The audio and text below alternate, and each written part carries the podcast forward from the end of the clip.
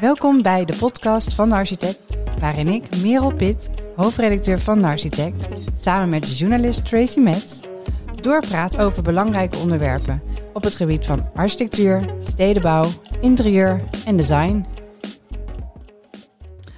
Ja jongens, een nieuwe reeks nieuwe kansen. We hebben een nieuwe reeks podcast, dit keer vier afleveringen over biobased bouwen. En dat is bouwen met natuurlijke hergroeibare materialen, bijvoorbeeld hout, heel veel hout, maar ook hennep, bamboe, vlas of mycelium. Daar gaan we het over hebben, Tracy. Ja, dat biobased, ik vind het, het is een enorm hot allemaal. En uh, ik moet meteen denken aan het gebouw dat ik uh, op de Floriade zag toen ik daar was uh, ter voorbereiding van deze reeks podcast van mycelium. Het lijkt wel een smeltend ijsje. Heel ja. grappig. Dat wordt echt een blikvanger van de Floriade. En dat is dus een van die vele materialen die we kunnen gebruiken, die daarna gewoon weer vergaan. Heel goed. Zie je het voor je? Onze hele gebouwde omgeving van biobased bouwen? Allemaal smeltende ijsjes op straat? Nou, nee, dat, gaan, dat gaat het niet worden. Maar dat we toegaan naar een, een nieuw systeem, echt een transitie naar een nieuw systeem waarin het gewoon wordt om materialen te gebruiken die niet de aarde vernietigen bij het maken, maar juist weer uh, kunnen groeien. Uh, fantastisch. Ja, ja, ik ben er wel voor. Zeker.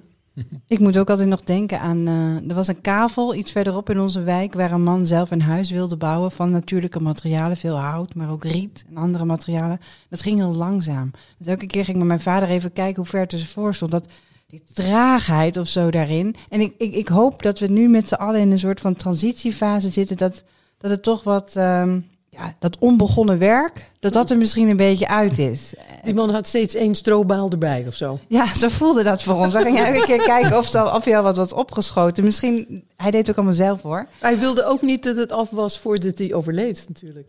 Ja. het was een levenswerk. Het was een levenswerk misschien oh, mooi. Maar het leuke is wel als je daar zo naar kijkt... en dat mensen het echt zelf doen... dat ze dus voor die materialen kiezen. En ook de tijd nemen dat het echt organisch kan groeien. Het is wel mooi hoor. En dan krijg je wel echt ander soort huizen dan een soort projectbouw. Helemaal waar. Want wie spreken we hier? Uh, ja, precies. Uh, de luisteraar hoorde zo net uh, Daan Brugging. Hij is een van onze gasten vandaag, samen met Dojanne Vermeulen. En ik vind het heel leuk dat Daan hier is, want hij is een enorme pionier op het gebied van biobased bouwen. Je vertelde me dat toen je studeerde dat er één boek was in de bibliotheek van de TU Delft. En dat was ook nog dat nepperige organische architectuur van Alberten van Huut. Ja, klopt. En uh, toen verklaarde iedereen je, iedereen je voor gek. En jij gaat ons straks vertellen hoe anders dat gesprek nu verloopt in Nederland. Ja. Dojanne, Dojanne Vermeulen, is samen met Jeroen van Schoten directeur-architect bij Team V, een van de snelst groeiende bureaus van Nederland. En onlangs is jullie gebouw Hout geopend, H-A-U-T, zoals ja. in O op zijn ja. Franse, 73 meter hoog. En een van de hoogste houten hybride gebouwen ter wereld. En over dat hybride, daar gaan we het zeker nog over hebben. Ja, heel goed. Ja, ja is leuk. leuk Fijn dat jullie er zijn. Daan, jij was dus uh, Haantje de Voorste op, uh, tijdens je studie. Hoe, hoe kwam het dat jij wist dat dit de toekomst was? Nou ja, toen was ik haantje de achterste. Want, Dacht men. Ja, ja nee, um, uh, ja, de, de, de natuur uh, zit al heel diep in me van begin af aan. Vroeger wilde ik bioloog worden, uh, wat ik vaak vertel. En, en um, ja, de scheikunde was ik heel slecht in. Dus ik denk, nou, dat wordt geen biologie. En je wil een soort Freek Fronk biologie, hè? Maar, maar je, je eindigt natuurlijk in een laboratorium. Dus ik denk, nou, dan ga ik nummer twee doen, architectuur. En dan ga ik de link zoeken tussen architectuur en natuur.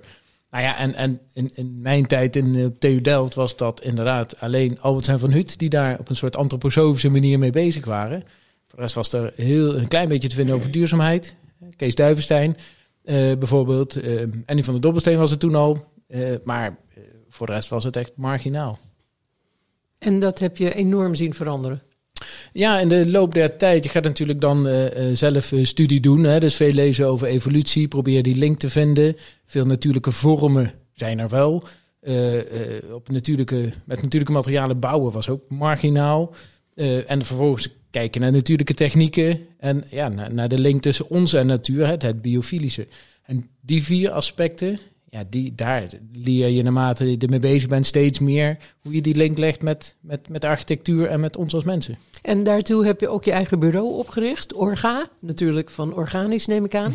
Ja, ja, ik probeerde die term te vermijden, maar ik vond hem wel heel krachtig. Uh, dus ik dacht eerst dat het orka was, maar dat is een heel andere associatie. Dit is orga. Ja, ja, daar komt het oorspronkelijk inderdaad van aan het organische. Maar en ja, je hebt het antroposofisch organische en ik zat veel meer op het functioneel organische. Zoals de natuur doet. Hè? Dus je ont, een collegezaal is een rechte doos, maar eigenlijk zou dat meer een taartpunt moeten zijn, want er staat één laser. En waarom zijn die gangen altijd overal even breed? Nou, als je daar zo hè, naar gaat kijken, dan, dan kom je meer functioneel organische architectuur. En dat, ja, de, natuur heeft ook geen voorschriften zoals antroposofie. Um, dus dat vond ik veel sterker. Uh, Aalto vind ik daar een heel goed voorbeeld van, uh, bijvoorbeeld. Je hebt een uh, school gebouwd in Almere, de Verwondering. Een hele mooie naam. En uh, ik denk dat dat ook de tijdgeest uh, weerspiegelt. het schoolbestuur was eigenlijk nog feller op dat bio-based en biofiele. Daar moet je ook zo meteen iets over vertellen. Dan jij zelf. Wat een fantastische opdrachtgever. Ja. Hoe, is dat, hoe is die samenwerking verder gegaan? Ja, nee, zij wilde inderdaad. zij noemde, ze, het begon als de meest ecologische school van Nederland.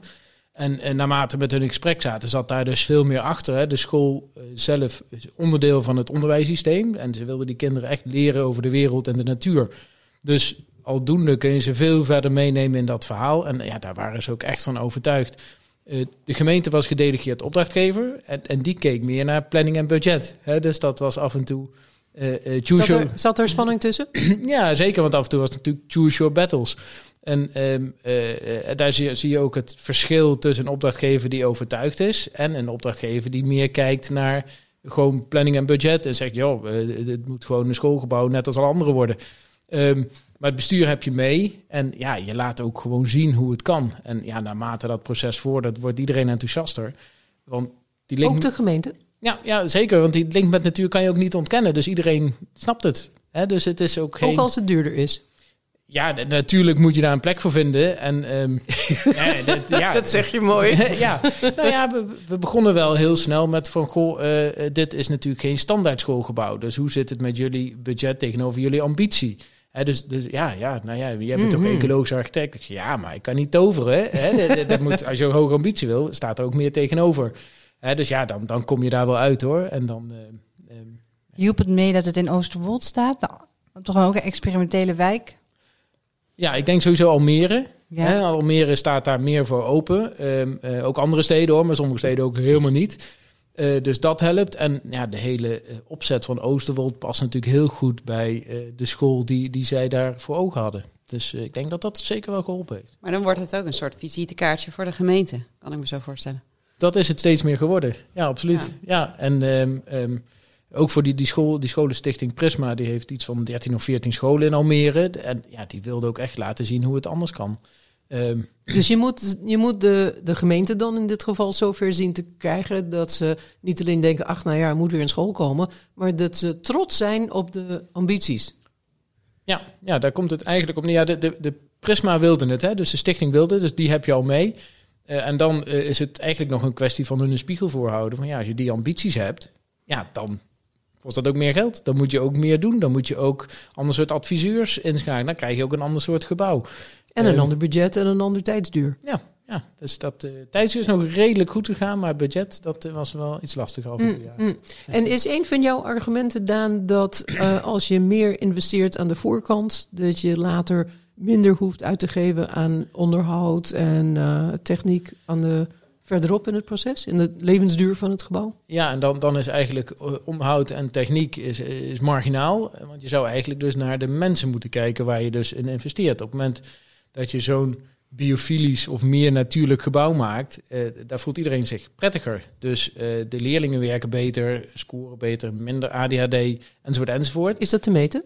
Dat is te meten, dat, dat is, zien ze nu al, want ze komen natuurlijk van een traditionele school. Dus ik heb ze ook gevraagd, ga dat nou eens gewoon in cijfers omzetten. Um, maar kinderen kan je dan weer niet rechtstreeks verdienen, maar natuurlijk wel aan je personeel. Um, maar de maatschappij verdient natuurlijk uiteindelijk. Ja, zeker. Ja. En misschien aan je energierekening, een heel actueel onderwerp op dit moment. Ja, ja zeker. Ik, ehm, ehm, ik denk als je dat gebouw goed in je vingers hebt, hè, want je, zoals ook je eigen woning moet je leren welk raam je open moet doen en hoeveel frisse lucht daardoor komt, moet je zo'n school leren bedienen. Terwijl eh, het is normaler in de bouwwereld dat je denkt, de techniek regelt het voor mij. Maar eigenlijk hoe meer je dus in de, zelf in de vingers hebt, hoe beter je het op een natuurlijke manier kan ventileren of kan regelen. En dat, dat scheelt al je installatie en je techniek. Je vertelde me uh, in ons uh, voorgesprek natuurlijk waar het kan, technisch waar het moet. Ja, ja dat was zeker het uitgangspunt. Um, uh, we hebben daar gezegd, bijvoorbeeld ieder lokaal heeft een klimaatluik. En centraal hebben we grote een dak, klim klimaatluik? Ja. In, de, in het dak? Nee, in de, in de gevel. Ah. dus eigenlijk groot rooster. Dat is een raam, toch? Ja, uh, ja, maar dan is die dicht en die kan die dus altijd openstaan. Een raam zet je niet altijd open. Denk aan s'nachts. Uh, um, dat kan hier wel. Dus je kan die school helemaal natuurlijk ventileren door uh, die dakluiken. Maar ja, als je de deur van het lokaal dicht doet, werkt het niet. Hè? En als je, dus daar moet je eigenlijk mee om leren gaan. Um, natuurlijk zei de installatieadviseur, ja, maar dat kan mijn installatie ook. Dus die luiken kosten alleen maar geld. En ik zeg, ja, doe jij thuis als je slaapt ook het raam dicht en de ventilatie? Nee, nee, natuurlijk niet. Ik zeg, nou, dat is het precies. Dus dat, um, ja, zo kom je steeds verder. En het, het, je stipte net nog aan van um, het belangrijkste aspect van zo'n manier van bouwen is dat de uh, ontwikkelaar, de bouwer, eigenlijk ook de gebruiker van het gebouw is. Want die heeft de benefits van uh, het personeel. En dus ook de gezondheid, een betere productie, uh, enzovoort, enzovoort. En dus minder ziekteverzuim. Nou, als je die kosten om kan zetten in je bouwbudget, natuurlijk heel interessant. Dan is het een eigen no-brainer om zo te bouwen. En hier zat dat verschil dus met die gemeente die, die ertussen zat. Uh, en die, die Prisma, die wilden het wel. Hè. Dus dat, dat is een hele belangrijke, meer, zo'n meer natuurlijke manier van bouwen. En dat biofiele, vertel, wat is dat? Ja, biofilie zegt eigenlijk letterlijk houden van de natuur. Hè? Dus wij houden allemaal van de natuur. We zijn allemaal 99% nog natuurlijk gecodeerd. Um, dus we zijn gewend om te leven in en met de natuur, met dieren en planten, onder de bomen, onder de sterren, in de steppen. Um, terwijl we sinds de industriële revolutie veel meer in technische omgevingen zitten, zoals hier bijvoorbeeld. Dus, dus, um, uh, en, en of biofilische architectuur zegt hoe meer natuur je in je omgeving brengt, je gebouwde omgeving, hoe beter je je voelt. Uh, en dat gaat met tientallen procenten. Dus wederom, uh, je welzijn stijgt, concentratie stijgt, minder ziekteverzuim, en, enzovoort, enzovoort. Nou ja, en dat is financieel interessant, maar ook zeker gewoon qua gezondheid. Dat is je hebt ook een, een, zekere de wind in de rug gehad van corona, gek genoeg. Hè? Dat we veel meer zijn gaan nadenken over wat maakt het onze omgeving, onze gebouwen gezond zijn. Ja, ja je wil niet, niet weten hoe vaak we gehoord hebben. Goed bedacht, die luiken, dat komt door corona. Ik zei, nee, dat gebouw stond er al voor corona. Dat is gewoon een natuurlijke manier. Dus, dus ja, ik, ik denk dat um, uh, corona zeker die, dat gezondheidstransitie, uh, zou ik willen zeggen, gaat, gaat stimuleren. We hebben nog nooit zoveel gesproken over ventilatie in scholen, hè? Nee, ik moet elke keer ook denken aan een studiereis die ik heb gemaakt naar... Uh, Berlijn. En daar gingen we ook naar een school. En dat, die, die, die studiereis al tien jaar geleden. Waar ze dus hele grote luiken open konden zetten. Uh, om, die, om die klas te ventileren. Elk uur moest gewoon dat, dat luik vijf minuten open. En dan kwam er weer genoeg zuurstof in. Ja, ja we, we hebben bij die basisschool hebben ook gezegd... we gaan een, een openluchtlokaal maken. Nou, dat was toch uh, eerst van, uh, dat is toch jaren 50, jaren 60, hè, duiker, openluchtlokaal. Maar eigenlijk is dat natuurlijk heel makkelijk. Het zijn ook geen BVO's, geen vierkante meters, dus het kostte niks.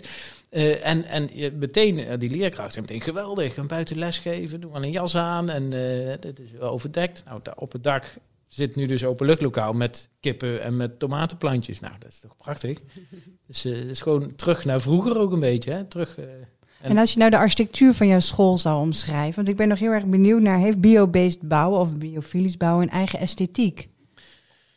Uh, ja en nee. Hè. Ik bedoel, heeft de natuur een eigen esthetiek? Ja en nee. Hè. Dus, dus um, je hebt wel een paar kenmerken, zou ik zeggen. Dus, dus meer organische vormen, uh, uh, meer aspecten als licht, lucht, ruimte. meer andere aspecten in architectuur zou je bijvoorbeeld meer afwisseling, hè, meer variatie.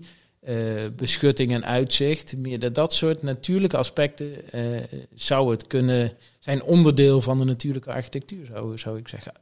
En is dan de materiaal of de vorm leidend in jouw ontwerp, hoe je daaraan werkt? Ehm, ik denk niet dat een van die twee echt leidend is. Hè. Ehm, ehm, een ander belangrijk aspect is bijvoorbeeld overvloed. Een overvloed van de natuur is altijd een overvloed.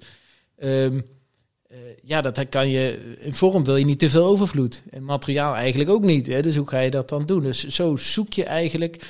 ehm, en in materiaal zijn, het is ook weer een biofilisch aspect. Hè? Dus dat je natuurlijke vormen, natuurlijke structuren, denk aan hout, nerven en zo ziet. Dus die wil je wel zien. Maar je wil ook niet in een sauna zitten. Dus je zoekt daar een soort balans in. eh, eh, en afwisseling en verrassing. ehm, veroudering vind ik ook heel interessant. Hè? Eh, gebouwen mogen niet meer slijten. Nick, je mag nooit zien dat ergens iemand loopt. Eh, terwijl als wij naar een oude kerk in Italië gaan, zie je die uitgesleten trap. Dat vindt iedereen prachtig. Dat zegt iets over tijd, ruimte, je, je plaats, historie. Nou, waarom zouden we dat niet in onze gebouwen terugbrengen? Dat je dat gewoon kan ervaren. Maar hoe doe je dat? Ja, moeilijk. Moeilijk, hè? Probeer dat maar eens een aannemer uit te leggen. Nou, wat denk jij, Dojanne? Nou, ik moest denken aan dat hij dan misschien wel niet meer voldoet aan regelgeving. Andere. Oh.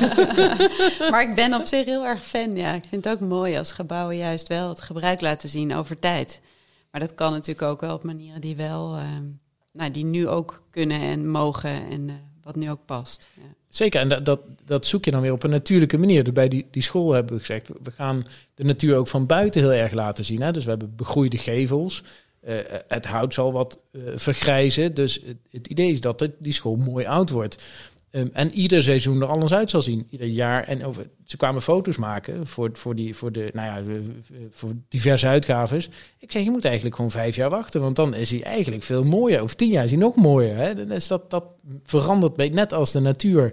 Zo, zo probeer dat op te lossen binnen die... Ik kan niet zeggen, nou, de vloer gaat hier gewoon afsluiten hoor.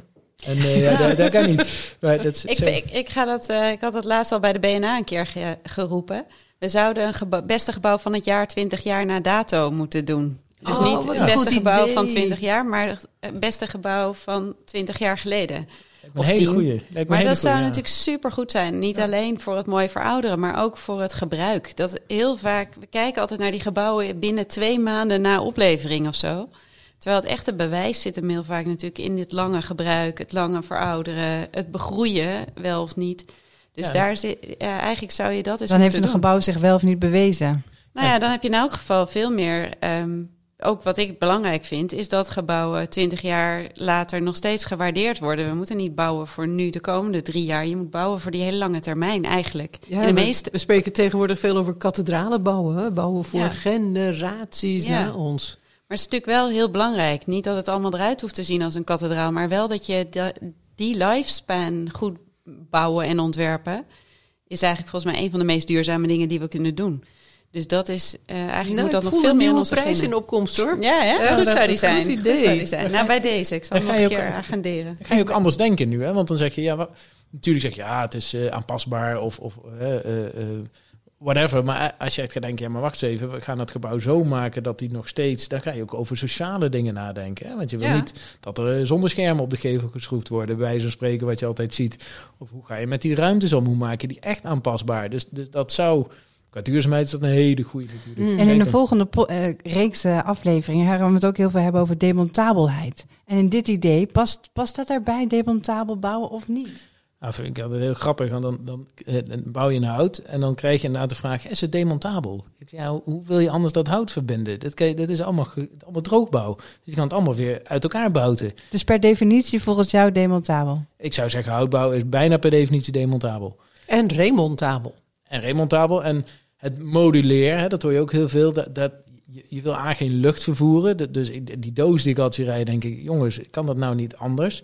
Ik zie dat regelgeving altijd de smaak verandert, eisen, alles verandert. Dus volgens mij moet je veel meer in elementen denken. Hè? Dus Ja. gevelelementen, wandelementen, dakelementen... dat kan je makkelijk vervoeren. En, en, en als je die demontabel maakt in zijn geheel... volgens mij is dat vele malen efficiënter. Ja, ik denk zelfs nog één stapje verder, maar bijna helemaal zoals Daan, precies op dezelfde manier. Ik denk eigenlijk dat we over het algemeen, los van tijdelijk programma, dus een tijdelijke rechtbank of eh, tijdelijke woningbouw, maar in de basis moet je eigenlijk casco's bouwen voor de echt hele lange termijn. Dus het casco moet de, de kathedraal zijn, wat mij betreft. En eigenlijk kan je dan daarna alles wat je daar ja, het gaat heel erg over vervangtermijnen. Dus als je inderdaad een gevel, waar, de, uh, waar het best heel aannemelijk is dat we over twintig jaar weer innovaties hebben, die wil je eraf kunnen halen en kunnen hergebruiken. En hetzelfde geldt voor installaties vaak. Maar dat casco is eigenlijk een, ja, het is bijna toch een beetje, voor mijn gevoel, een vreemdsoortige vraag. Als je hele goede casco's ontwerpt, moet je er heel veel mee kunnen doen. Niet misschien alles, maar wel bijna alles. En dan is het volgens mij het meest duurzaam om het niet te demonteren en het te laten staan en te hergebruiken indien nodig. Bekendste verhaal natuurlijk die grachtenpanden. Wat iedereen altijd aanhaalt. Ja, maar ook heel veel echt goede gebouwen uit de jaren 50, 60, 70, die hergebruiken we ook. En daar, daar, die veranderen misschien van Wat functie. jij bijvoorbeeld hebt gedaan met het Universiteitsgebouw van Eindhoven. Ja, dat is een heel goed voorbeeld. Even. En dat is zowel ook nog eens in functie gelijk gebleven. Maar je kan natuurlijk ook van functie veranderen. Maar je kan heel veel van de, van de zorgvuldig, goed, met een soort goede kwaliteit gebouwde casco's uit die tijd... kun je gewoon nu nog steeds gebruiken. En dan is het als een cadeautje. Dan, dan levert het meer op dan nieuwbouw. Dus Ja. ik ben ik ben daardoor een beetje kritisch op alles demontabel maken. Ik denk je daar, want heel vaak voeg je extra materiaal toe om te kunnen demonteren op bijvoorbeeld constructieve stijfheid of eh, extra schroevenbouten verbindingen. Dus het werkt niet al bij hout makkelijker dan anders hoor, maar het werkt niet altijd voor nu meteen zo goed. Daan, ik wil het met je hebben over eh, een van je nieuwste projecten, Avolare. Dat is een opvang voor wilde dieren. Ja. En dat staat in een Natura 2000 gebied. Ja. Hoe heb je toestemming gekregen om te bouwen in een Natura 2000 gebied? Ja, ja dat is, eh, dit, het is inderdaad net, net opgeleverd. Ehm, en we hadden de vergunning, maar inderdaad nog niet de ontheffing van de, de raad, hè, de, of van de provincie, de- toen die raad van state uitspraak kwam. Over stikstof. Over stikstof, ja. En toen dachten we, maar we bouwen toch eigenlijk al heel schoon. En zijn we gaan kijken hoeveel stikstof stoot er nou eigenlijk uit. Nou, dat was eigenlijk al heel weinig. Ehm, en zeiden we, nou, we kunnen dat niet elektrisch gaan doen. Zijn we met aannemer rond de tafel gaan zitten. En zeg ik, ja, we kunnen elektrisch... Het zat in graven, tillen eh, en verkeer. We, nou, we kunnen elektrisch graven. Het duurt wat langer, maar dat kan. We kunnen elektrisch tillen, want het is allemaal houtbouw. En het verkeer gaan we gewoon combineren. Dus we gaan die jongens laten carpoolen. We gaan zorgen dat er een grote eh, container met voorraad staat. Zodat er geen vrachtwagen met een beetje eh, eh, een doosje schroeven komt. En toen kwamen we onder die eis van toen de tijd 0,005 eh, mol per hectare per jaar. En toen mochten we bou- bouwen. Dus zijn provincie en de gemeente gebeld. Zeggen, nou, we hebben geen ontheffing meer nodig, we beginnen. Toen zei ze, ja, dat is goed. No- nooit iemand gezien. Maar Het is een wonder. ja, dat was zelfs nog op het journaal. Dus eh, die, eh, ja, dat... eh, Dat is een mooie bijvangst van eh, met bouwen met bio-based materiaal. Ja, je weet, je- en je, je weet dat je schoon bent en dat, dat je de materialen schoon zijn. Daar ging het eigenlijk niet eens om, hè, want de stikstof die in het hout zit, daar zit ook een beetje stikstof in. En ook natuurlijk de carbon hè, van, van CO2, gaat het ook niet over. Maar puur het bouwen op zich kan je dus eigenlijk ook bijna emissieloos doen. Dus dat was wel een, eh, nou ja, een eh, interessante ontdekking eigenlijk. Nog Of weer, bevestiging. een, nog weer een voordeel van dat eh, eh, lichter bouwen, minder belasting van de aarde. Eh, en dat blijkt ook in je hele bouwproces zich terug te betalen. Ja, ja, ja, Nou, ik lijk zelf ook wel een gelovige. Ja, nou, ik, ik denk dat we dat allemaal zijn na deze reeks. Dat denk ik ook. Het kan haast niet anders. Ja, dat is het mooie. Het, het, het verkoopt zichzelf. Hè, dat biofilische verkoopt zichzelf, want dat zit in je DNA. Maar het biobased bouwen, het houtbouwen, is zo logisch dat... dat hè, Ja, maar Daan, ehm, natuurlijk is dat zo. En ik ken jou als iemand die ook heel veel aan kennisdeling doet. Altijd artikelen, of ik nou voor de architect werkte of ergens anders voor. Jij kwam wel weer met een, eh, een sluitend betoog Mhm. om je verhaal te... ver- Maar daar heb je toch wel hard aan moeten werken, toch? Nu is het zo. Nu, nu eh, Nu lijkt Ja. het logisch. ja. ja, nou ja, dat was het toen ook al. Ehm, eh, het, het probleem zit natuurlijk ergens anders dan eh, waar het echt om gaat. Hè. Dat zat natuurlijk veel meer in proces, in, in lobby. Eh, met lobby is altijd interessant. hè. Als jij een, een goed product hebt, dan ga je geen lobby doen. Want ja, dat zei die houtbouwers ook. dat is hartstikke goed en gezond en schoon materiaal. Maar als je dus iets minder goed materiaal hebt, ga je dus lobbyen om te zeggen dat je toch heel goed materiaal hebt. En dat zie je bij baksteen, bij beton, hè, bij staal, zie je dat heel erg. En dat moest de houtwereld wel leren, denk ik, om daaraan te gaan trekken en te roepen dat, het, eh, dat ze echt heel schoon zijn en eigenlijk ook nog op andere vlakken heel logisch zijn om mee te bouwen. Ja, ik hoop eh, dat, dat je verhaal nu overal weerklank vindt. En dat jij ehm, ja, straks gewoon een enorme opdracht, opdrachtenportefeuille hebt. Ja, het, het komt, het komt ook door de maatschappelijke ontwikkeling. Hè? Want eh, mensen, er komt- is geen sneeuw meer. Het is te heet in de zomer, dus mensen merken het nu ook. En dat had je eigenlijk willen voorkomen, zou ik zeggen. Maar goed, daar zitten we nu in. En dat helpt natuurlijk met meer verduurzaming. Is, oh ja, we moeten echt iets gaan doen. Hè? En da daar zie ik ook wel dat dat uh, helpt met het verhaal uh, nou ja, uh, serieus te nemen. Mm. En tot slot, Daan, je bent nu bezig aan een uitvaartcentrum. En ik dacht, dat is een heel mooi symbool dat we deze manier van bouwen voor de, nou ja, niet de eeuwigheid, maar wel de langere termijn. Dat dat nu vertaald wordt in uh, biobased bouwen van een uitvaartcentrum. Ja, dat, daar kan je natuurlijk heel mooi het verhaal vertellen van, van de natuurlijke manier van bouwen. De, de customer journey willen we daar ook echt in brengen. En dan past dat biofilisch en natuur past er natuurlijk eigenlijk weer naadloos bij. Uitvaart als een customer journey, dat had ik nog niet bedacht. Ja, nou ja, het is toch echt, echt een beleving wat, wat je mensen mee wil geven. Niet voor degene die dood is, Tracy, maar voor... Oh, nee, oh sorry, sorry, dat dacht ik. Dankjewel, Het is een daar. raar woord ervoor. Het is een raar woord. De ervaring, zeg maar. Ja. Nou, uh, dan gaan we nu door naar, met Dojan. Dojan, ik wou je nog even gewoon feliciteren met hout, dat het is opgeleverd. En je bent volop in het nieuws ermee. Ja. Uh, het is nogal wat blijkbaar, dit uh, hoge gebouw, wat grotendeels van hout is. Was het ook voor jullie binnen het bureau nogal wat om dit te doen? Ja, best wel. Nou, eigenlijk toen we ermee begonnen niet eens zozeer. Um, maar je begint met zo'n team met een idee...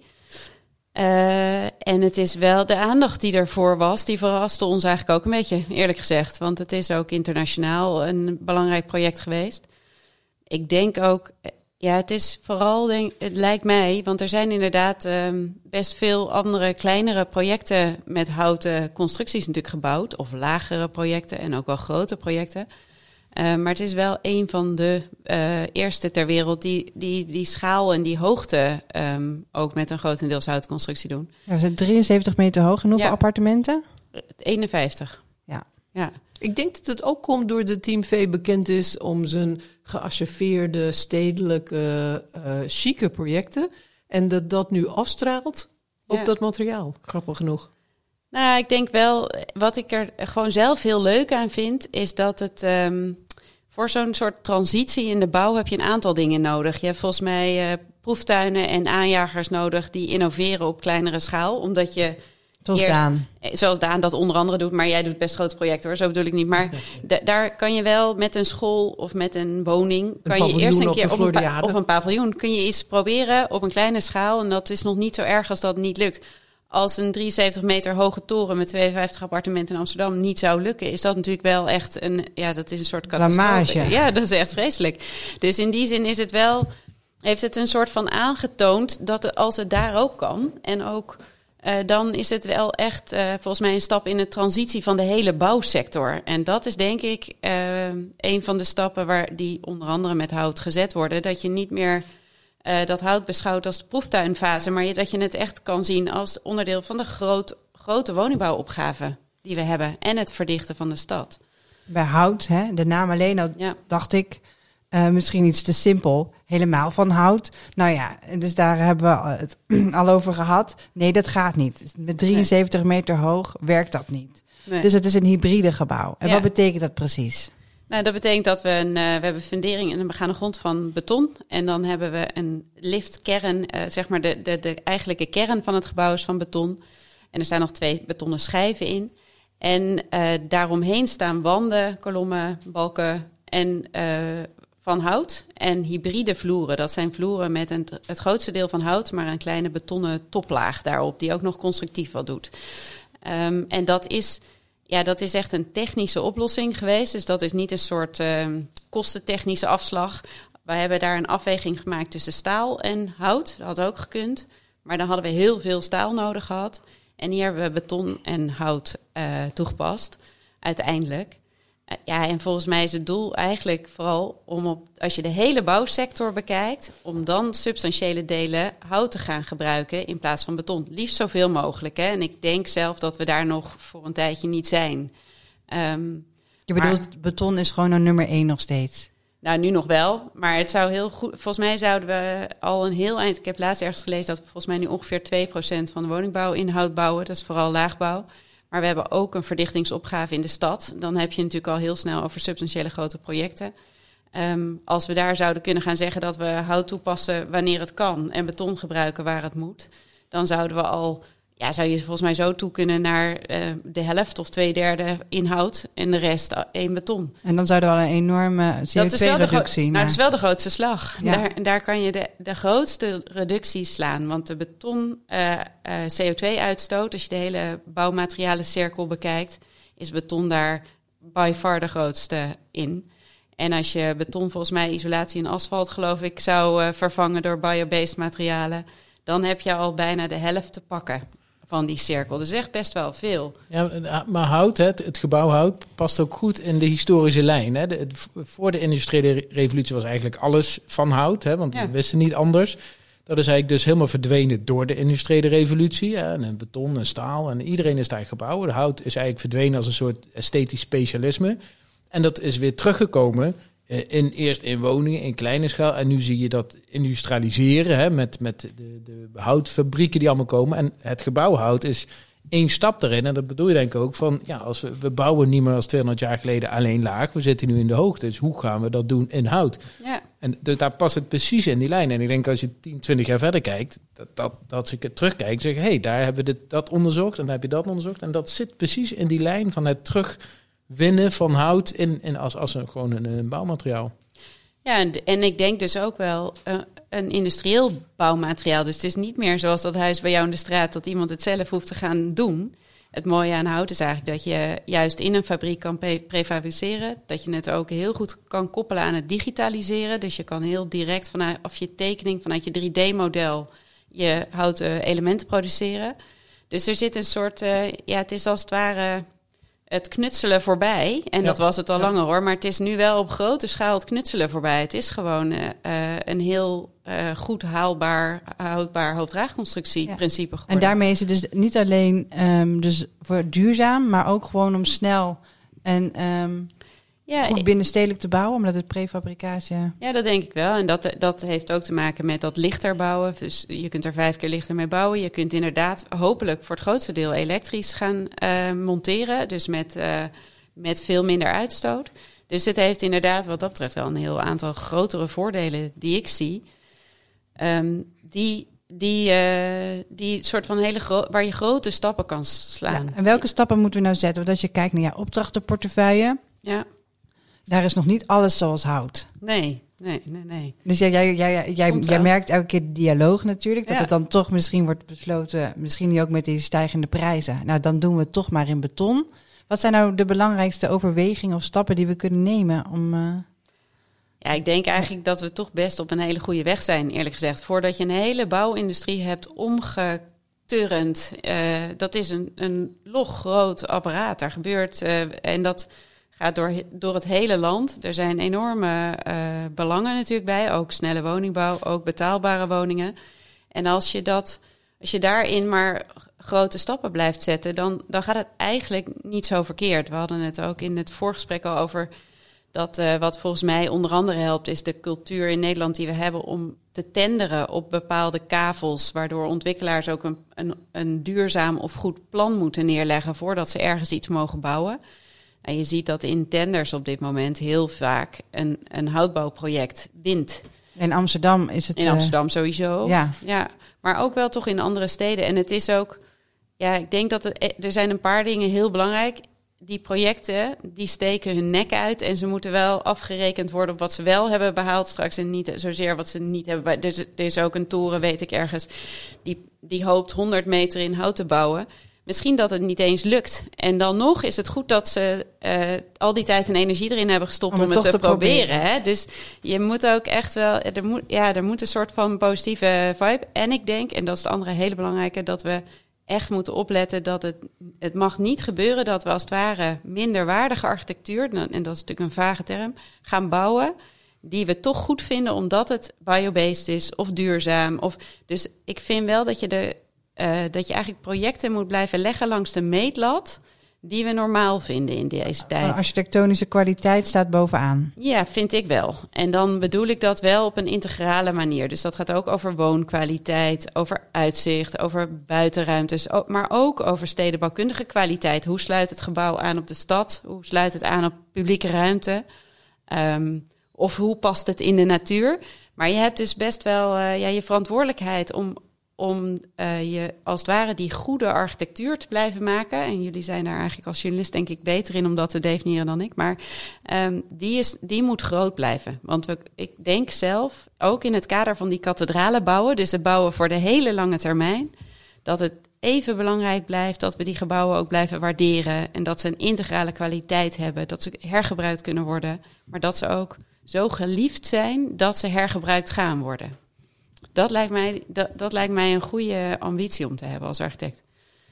Ja, en dan zit ik meteen ook weer te denken aan jouw idee van het casco als drager. Ja. Dus ik kan me voorstellen dat het ook de inbouw, hè, als we dan weer even met John Habraken spreken, dat je daarin meer kan innoveren, het experimenteren, meer als laboratorium kan zien dan het casco? Nou, dat. Mm, nou, in elk geval denk ik dat dat schillen denken, dat open bouwen, dat dat wel natuurlijk wel heel erg uh, onderdeel is van, de, van het lange termijn denken. En of het dan echt een meer het innoveren is, dat weet ik niet zeker. Um, want ik denk eigenlijk dat die kas, dat was, dat is uh, eigenlijk in de geschiedenis volgens mij altijd geweest. Het zijn vaak juist projecten die iets proberen te doen wat voor die tijd bijzonder is, die later des te meer worden gewaardeerd. Omdat er een, ja, er is een soort aandacht naartoe gegaan en een soort eigenheid ingekomen.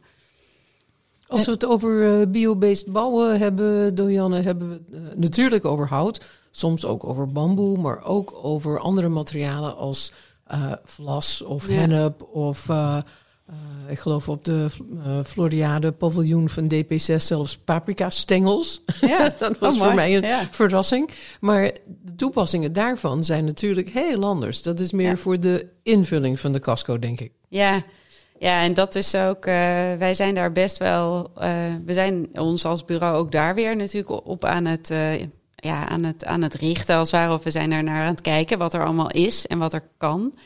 En er zijn nu heel veel materialen die inderdaad voor tijdelijk of voor binnen heel goed kunnen.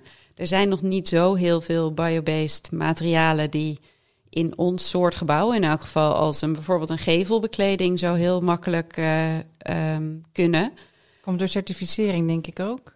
Misschien deels, maar deel, en deels denk ik doordat het nog zich moet bewijzen. Deels ook wel doordat um, ja, doordat je gebouwen probeert te maken voor hele lange termijnen. Dus het mag inderdaad, het mag wel mooi verouderen. Het moet niet uh, vergaan, als het ware. Um, dus ik vind dat nog best een zoektocht. Ik, ik, wij willen, ook, wij willen ja. dat heel graag en we zien het nog niet zo erg.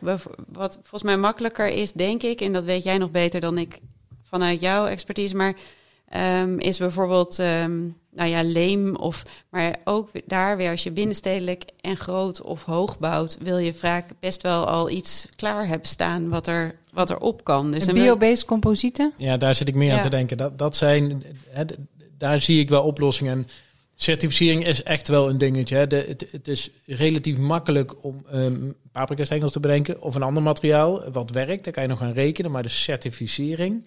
Uh, en in de loop van de tijd, om daar te voldoen, dat is het moeilijkst. Um, en als producent moet je ook, als biobased materiaalproducent, moet je ook altijd denken: ik moet niet de architect hebben, ik moet de aannemer hebben, want die geeft garantie. Dus hoe zorg ik dat hij dat gaat gebruiken? Die architecten die volgen wel.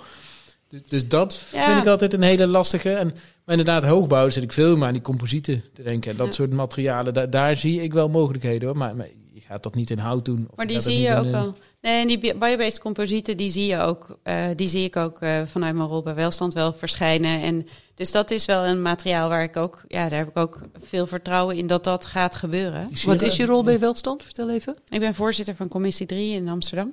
Ja, dus uh, we beoordelen als het ware de, de buitenste ring van Amsterdam. Ja. Die, uh, die Sirenex vind ik een goed voorbeeld erin. Hè? Die uh, um, aubergine stengel tegels die een paar jaar geleden waren. Dus de aubergine is voedsel. De stengel is heel sterk, dus hetzelfde als versteend hout. Hè? Dus hout versteend puur door druk en de juiste mineralen. Nou, daar maakten ze tekels van. En die, die, dat, die, daar zag ik ook van, nou, die kan je dus echt wel uh, op verdieping nou, 8 aan de muren ja. schroeven aan de buitenkant. Maar die kregen het gewoon niet goed. Die kregen de randjes niet dicht. Uh, die kregen uh, vorstproblemen. En die zijn daar eigenlijk op gestrand. En toen is het overgenomen en die heeft er weer rommel in gepompt om dat wel voor elkaar te krijgen. Dus daar zie je het in dat dat... Maar dat gaat wel komen, daar ben ik van overtuigd. Het kost alleen tijd. Ja, het heeft meer tijd nodig. We spreken later nog in deze reeks ook met Hedwig Heinsman. Ja. En uh, met Actual Print En wat ik tof vond van haar verhaal was dat ze zei: ja, wij printen dan ook uh, bijvoorbeeld voor winkels interieurs.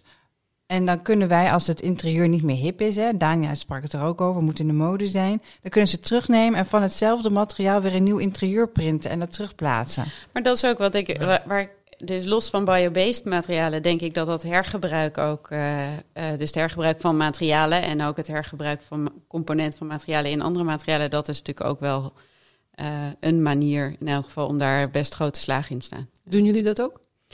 Proberen we, ja, ja onder andere weer bij Crossover, gebouw aan de Zuidas. Daar zitten bakstenen in van gerecyclede bakstenen, stone cycling. Ja, dus dat, ja, dat, dat probeer ja, Vertel eens voor de luisteraar wat voor het gebouw is. Dat is uh, woningbouw en kantoren um, aan de Zuidas. En uh, daar zit dus een, een, materiaal aan de buitenkant, wat eruit ziet als baksteen. Uh, maar dan ook weer met, met hergebruikte materialen daarin. En stone cycling is behalve een methode ook een bedrijf dat ja. dat doet, hè? Ja, ja. Dus dat is, nou ja, dus ook kan je op allerlei fronten natuurlijk zoeken naar, naar de meerwaarde. Ja. Dat, daar zit ook weer niet dat het niet kan, maar in proces. Ja. dus dan de, de, de gemeente weer stelt zijn we zoveel mogelijk natuurlijk waar het kan. Dus natuurlijke materialen het kan en waar het niet kan pakken we uh, hergebruikte materialen. Nou, dat is een proces hoor. Dan moet je gaan zoeken. Je moet ze op het juiste moment hebben. Waar sla je ze op? Wie bewaart je? Uh, hoe weet je dat er geen spijkers in zitten? Dat, dat is echt wel een proces wat heel ingewikkeld kan worden. Uh, en dus kostbaar. dus, dus die tussenroute vind ik, dat, dat zou je meer vorm aan moeten geven. Een soort materiaalbanken, waar je dat, daar, daar wacht ik eigenlijk op dat je veel makkelijker op ieder moment dat jij het zou willen als architect, die materialen beschikbaar hebt. Nou, ik weet dat, dat het bureau Superuse is uh, ja, eigenlijk uh, heel ja. vroeg hiermee begonnen. Ja. En die maakte ook oogstkaarten. Ja. Ja, dat je kon ik, zien waar in jouw omgeving hout te vinden was, hergebruikt hout of wat voor materialen dan ook. Ja. En die, die hadden vroeg in de gaten hoe belangrijk het was om te weten wat er is en waar het is en in welke toestand het is. Daarom praten we tegenwoordig over materialen paspoorten. Ja, ja Daar komt zeker. een hele, hele administratie aan te pas. Het is er niet zomaar. Het is proces, is het, hè? Niet dat het niet kan.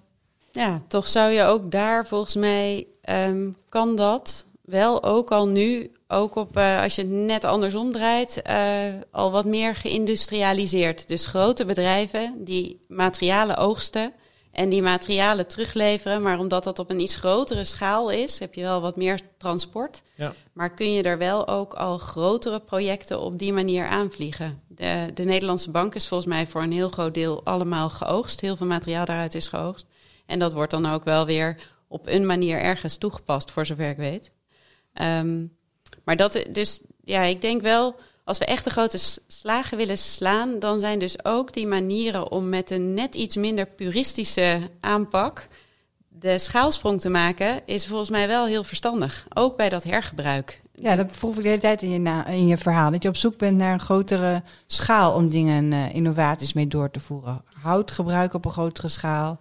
Nou, ik denk dat dat, ja, ik denk zelf dat dat belangrijk is als je echt de impact op het klimaat wil maken. Dat, dan moet je die schaalsprong wel maken. Anders dan hou je heel veel uh, leuke dingen, maar dan, dan verandert het niet de daadwerkelijke, um, ja, de, de daadwerkelijke cirkel van de CO2-uitstoot nee, van de hele boven. Ja, het hele ja. systeem. Ja, en belangrijk natuurlijk ook in het systeem is dat, het, dat we nu nog zitten in een traditionele bouwindustrie waarbij het gaat om goedkoop bouwen. Ja, en dat is denk ik wel, uh, Daan zei het al, je, je zou nog veel meer toe moeten naar uh, dat je bouwkosten niet alleen berekent, maar ook bouwimpact op gezondheid en op mensen, maar ook op het klimaat.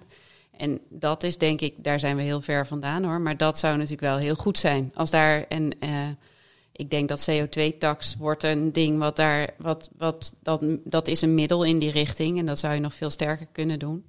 Um, maar dat, zou, dat is natuurlijk wel van belang. Aan de andere kant vind ik het zelf voor mij um, is het toch ook belangrijk om te blijven zoeken binnen de kaders die we nu hebben. Dus be ook betaalbaar bouwen in hout is best dichtbij. Zo heel ver is dat niet. En dan kan je toch al heel veel doen. Dus het hoeft niet altijd elkaar alleen maar te bijten. Het is natuurlijk wel zo dat je voor een ja. duurzaam gebouw wat meer geld nodig hebt dan voor een niet duurzaam gebouw. Maar zeker als je kijkt over de levenscyclus dan valt het vaak mee. En de voordelen van houtbouw bijvoorbeeld specifiek, daar worden heel vaak de voordelen niet van meegerekend en de SEC, de kosten van het materiaal wel. Dan doe je het echt niet uh, helemaal. Je kan ook sneller bouwen in hout. Ja, ja en de, de, de stijgende energieprijzen zijn in, die, in, dit, in dat kader heel interessant natuurlijk. Hè? Want we zagen met corona dat een soort productie-leverantieproblemen kregen. Nou, houtprijzen, de, was meer vraag, die steeg. Nu, alle andere materialen zijn nu ook gestegen. En die hebben natuurlijk ook dat energieprobleem, wat hout dus helemaal niet heeft. Dus ik verwacht, en dat zie je ook al, dat hout de prijs af gaat vlakken. Nou, ik verwacht dat die andere nog wel even door blijven stijgen. En dan wordt het weer interessant natuurlijk. Tenzij de vraag weer stijgt. En, enzovoort enzovoort. Hè. Ik bedoel, oorlogen helpen ook niet uh, met dat soort... Uh... Nee, maar ik denk even inderdaad dat, dat daar gelaten dat um, sowieso als je zo'n hele transformatie in de bouw op grote schaal, die gaat met horten en stoten. En dus ook met een vraag en aanbod wat steeds weer uh, bij elkaar moet komen. Er is nu veel vraag naar houten constructies. Ja. Dus dan moet dat aanbod, gaat wel mee omhoog, maar dat gaat niet helemaal gelijkmatig. En daar heb je hele lange termijn visies voor nodig. Dus daardoor helpt het als de Nederlandse overheid of de MRA, de metropoolregio Amsterdam, zeggen...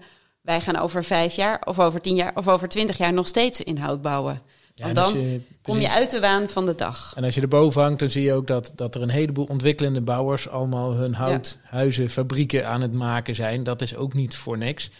En uh, greenwashing vind ik ook zo'n mooie term. Uh, daar is men, oh ja, is greenwashing, maar eigenlijk is dat heel positief. Want je wil dus blijkbaar heel duurzaam overkomen. Dus het is een kwestie van tijd dat je wel zou moeten. Ja, Het is eigenlijk een soort overbruggen tot je echt duurzaam bent. Ik vind dat heel. Jarno Mastenbroek zei daarover nog in een vorige podcast. Hij zegt: Oké, dan is het maar greenwashing, dan is het maar mislukt. Maar je hebt mislukkingen ook nodig ja, om toch uiteindelijk tot die tot echte groene gebouw te komen of zo. Dus elke stap die we ook maar nemen, moeten we gewoon waarderen. Um, en heeft van, is van toegevoegde waarde. Ja, Nou, nog één laatste vraag, um, Dojanne. Gewoon even naar de toekomst kijkend, over vijf jaar. Nu is ongeveer één op de vijf opdrachten waarmee je werkt met hout. En dan? Uh, ja, ik hoop heel veel meer. Ik hoop vooral dat we dan bijna ieder project op een manier in zo'n hybride uh, vorm zouden kunnen doen. Ik heb liever eigenlijk alles hybride met substantieel veel hout. Uh, dan een paar projecten helemaal en een paar projecten helemaal niet. Maar uh, we zullen het zien. Het, ja, het hangt wel, het hangt natuurlijk van veel factoren af. Maar ik denk zelf dat de transformatie, het gaat ook natuurlijk niet zozeer om onze eigen portfolio, maar die van het hele land of heel Europa. Maar als je die ziet, dan denk ik wel dat, dat, uh, dat die stappen best wel hard gaan. Ik verwacht dat wel. Ja, klinkt dat, vind ik uh, erg hoopgevend. Ik vind het echt een uh, super mooie start van deze podcastreeks, onze vier afleveringen. Het is een mooie basis gelegd voor de volgende afleveringen. Wat neem jij mee, Tracy, als je straks naar huis gaat? Mooi, ik vind het uh, fijn om te horen dat we uit de sfeer van de leuke dingetjes komen. En de, en de goede voornemens en de geitenhaarde sokken. Dat er schaalsprong is, dat dit... serieus werk is. Ja, serieus werk, grote gebouwen. Uh, een, een heel normale manier. Er zijn nog genoeg haken en ogen. De certificering, de regelgeving, de, de, de sourcing van al, die, uh, al dat hout en al die producten die we daarvoor nodig hebben. Maar we zijn echt onderweg naar een, een bouwsysteem waarin dit uh, nou, vanzelfsprekend wordt. En volgens mij is dat waar we echt naartoe willen. Ja, zeker. Ja, dank jullie wel voor deze bijdrage. Yes. En dan hebben we over de volgende keer alweer onze volgende podcast. Ja. Dan uh, praten we door vooral over woningbouw in hout. Mm -hmm. En hoe we dat uh, snel kunnen opschalen. Met wie gaan we dat ja, doen? Dat doen we met uh, Richelle de Jong. Die is van DP6.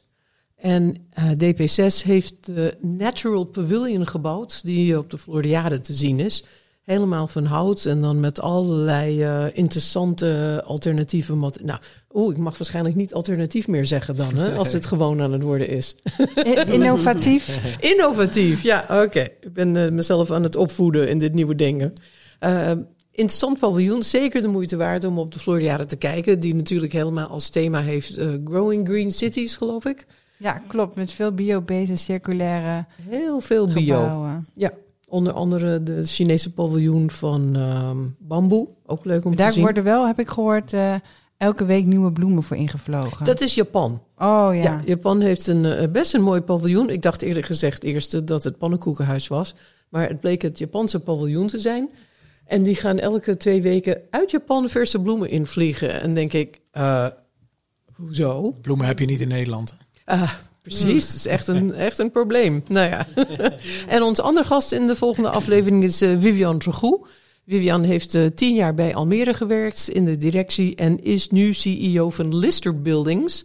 Een start-up, twee jaar oude start-up, die uh, circulair innovatief in hout woningen wil bouwen. En ja. daar echt aan de weg timmert. En het was IJmeren waarbij ze heeft gewerkt. Hoe zei ik nou weer Almere? Maakt niet uit. Excuus, IJmeren. Nou, dank allemaal voor het luisteren. Hou onze socials en nieuwsbrief in de gaten voor de volgende aflevering die op 16 mei online komt. Dank jullie wel. Top. Dank. Dank.